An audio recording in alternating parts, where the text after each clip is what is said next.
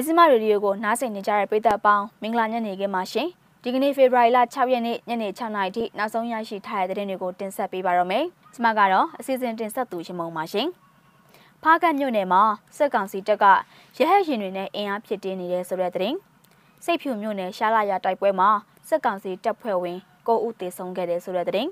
ကော်တောင်းမြို့နယ်ကဒီရီတောလျှောက်ထားတဲ့ကုမ္ပဏီတွေကိုကန့်ကွက်ခဲ့တဲ့ရွာသားတွေချိတ်ချောက်ခံရတယ်ဆိုတဲ့သတင်းတွေအပါအဝင်တခြားစိတ်ဝင်စားပွဲကောင်းတဲ့သတင်းတွေကိုတင်ဆက်ပေးဖို့ရှိနေပါတယ်။ပထမဆုံးတင်ဆက်ပေးခြင်းတဲ့သတင်းကတော့ကချင်ပြည်နယ်ဖားကတ်မြို့နယ်နန်းရကျွော်မှာမနေ့ကဇန်နဝါရီလ9ရက်နေ့ညနေ9နာရီခန့်မှာစစ်ကောင်စီတပ်ကရဟတ်ရင်နှစ်စီးနဲ့လေးချိန်ခန့်တပ်သားတွေကိုအတင်ချပြုလုပ်ပြီးတော့အင်အားဖြစ်တင်းနေကြောင်းဒေသခံတွေကပြောကြားခဲ့ပါတယ်။နန်းရကျွော်အနီးမနော့မော်တဝိုက်မှာ မနေ့ကဖေဖော်ဝါရီလ9ရက်နေ့နေ့လယ်12နာရီကစစ်ချက်လေယာဉ်နှစ်စီးနဲ့တစ်ကြိမ်ညနေ3နာရီခန့်မှာလေယာဉ်တစ်စီးနဲ့တစ်ကြိမ်လာရောက်ပစ်ခတ်ခဲ့တာတွေကြောင့်နေအိမ်တချို့ပျက်စီးခဲ့တာဖြစ်ပြီးအမျိုးသားတအုပ်တေဆုံးကအမျိုးသမီးတအုပ်အပါအဝင်ဒေသခံ3ဦးတန်ရာရရှိခဲ့တာပါ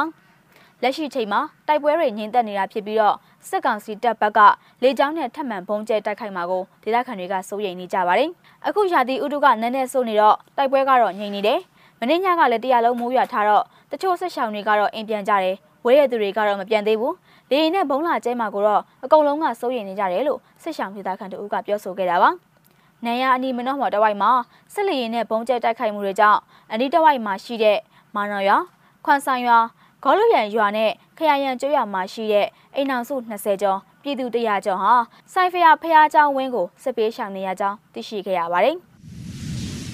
နောက်ထပ်တင်ဆက်ပေးခြင်းတဲ့သတင်းသဘောကတော့မကွေးတိုင်းစိတ်ဖြူမြို့နယ်ရှားလာရွာမှာစက်ကောင်စီတပ်ဖွဲ့ဝင်တွေနဲ့ဒေသခံပြည်သူ့ကာကွယ်တပ်ဖွဲ့ PDF တွေဟာ၄ရက်ကြာတိုက်ပွဲဖြစ်ပွားခဲ့တာဖြစ်ပြီးတော့စက်ကောင်စီတပ်ဘက်က9ယောက်သေဆုံးခဲ့တယ်လို့ PDF တပ်ဖွဲ့ဝင်တွေကပြောပါတယ်။ဖေဖော်ဝါရီလ2ရက်နေ့မှာစစ်ကောင်စီတပ်ဖွဲ့ဝင်တွေကရွာကိုဝင်စီးပြီးတော့အိမ်တွေနဲ့အခမဲ့စေကူတာပြီးနေတဲ့စေကန်းကိုပါမိရှုခဲ့ကြတာလို့မကွေး PDF ရဲ့တာဝန်ရှိသူတို့က RFA ကိုပြောကြားခဲ့တာပါ။ပြည်သူ့စွမ်းအားတပ်ပေါင်းစုတပ်ဖွဲ့ ပေါ့မြို့နယ်ပျောက်ကြားတပ်ဖွဲ့တရင်တေပြည်သူ့ကာကွယ်တပ်ဖွဲ့မကွေး PDF တပ်ပေါင်းစုနဲ့စစ်ကောင်စီတပ်ဖွဲ့တို့ဟာဖေဖော်ဝါရီလ2ရက်နေ့ကနေ4ရက်ထိ4ရက်ကြာတဲ့တိုက်ပွဲမှာတိုက်ပွဲတွေဖြစ်ပွားခဲ့တာဖြစ်ပြီးတော့လက်ရှိအချိန်ထိစစ်ရေးတင်းမာနေသေးပဲလို့သူကပြောပါတယ်။ရွာသား15ဦးကိုလည်းလက်ပြန်ကျိုးတုပ်ပြီးတော့လူသားတိုင်းဖြစ်အုံပြုခဲ့ကြတာဖြစ်ပြီးအသက်69နှစ်အရွယ်အဖွားအိုတို့ကိုလည်းတနက်နဲ့ပြစ်တက်ခဲ့တာပဲဖြစ်ပါတယ်။အဲ့ဒီတိုက်ပွဲအတွင်းမှာ စစ်ကောင်စီတပ်ဖွဲ့တွေကလက်နက်ကြီးနဲ့အချက်30ထက်မနည်းရွာတွေဘက်နဲ့ PDF တွေရှိတဲ့နေရာကိုဥတီပြစ်ခတ်ခဲ့တာဖြစ်ပြီးတော့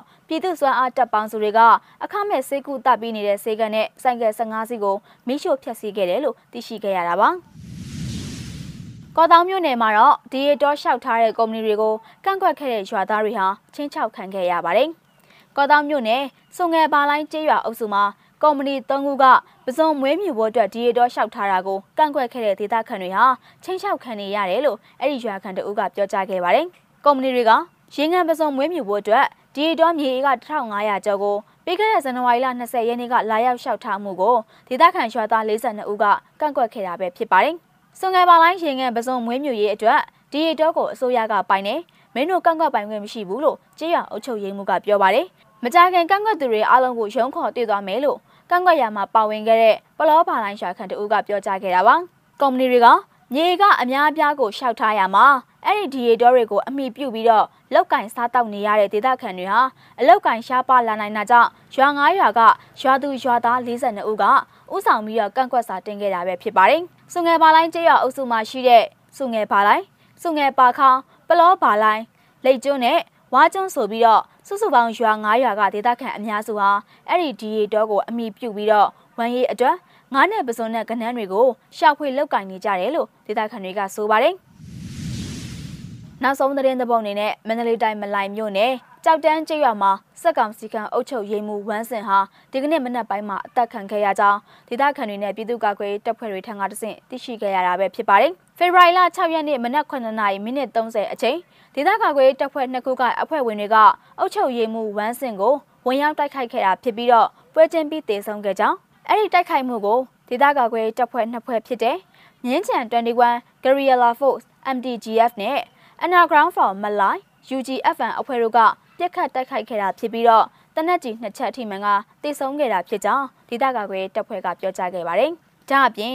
စကိုင်းတိုင်းရွှေဘိုမြို့နယ်ဇီးဖြူကုန်းကျေးရွာမှာပြူစောထီလို့တတ်မှတ်ခံရသူဦးမျိုးဝင်းနဲ့တားဖြစ်သူတို့ကိုဒီကနေ့ဖေဖော်ဝါရီလ6ရက်နေ့မွန်းလွယ်12:15မိနစ်ခန့်မှာသူတို့နေအိမ်မှာဒေသကာကွယ်တပ်ဖွဲ့နှစ်ဖွဲ့ကဝင်ရောက်ပစ်ခတ်ခဲ့တာဖြစ်ပြီးပွဲချင်းပြီးတည်ဆုံခဲ့တာပါအဲ့ဒီတိုက်ခိုက်မှုကိုဒေသကာကွယ်တပ်ဖွဲ့နှစ်ဖွဲ့ဖြစ်တဲ့ရွှေဘို Justice for SGF နဲ့မဟာမိတ် Black Tiger ရွှေဘိုတပ်ဖွဲ့တို့ကပူးပေါင်းလှုပ်ဆောင်ခဲ့တာပဲဖြစ်ပါတယ်ဖေဖော်ဝါရီလ6ရက်နေ့ညနေ6နာရီထိနောက်ဆုံးရရှိထားတဲ့သတင်းတွေကိုမြစည်းမရေဒီယိုကနေထုတ်လွှင့်တင်ဆက်ပေးခဲ့တာပါ။နားဆင်ပေးခဲ့တဲ့အတွက်ကျေးဇူးတင်ပါတယ်ရှင်။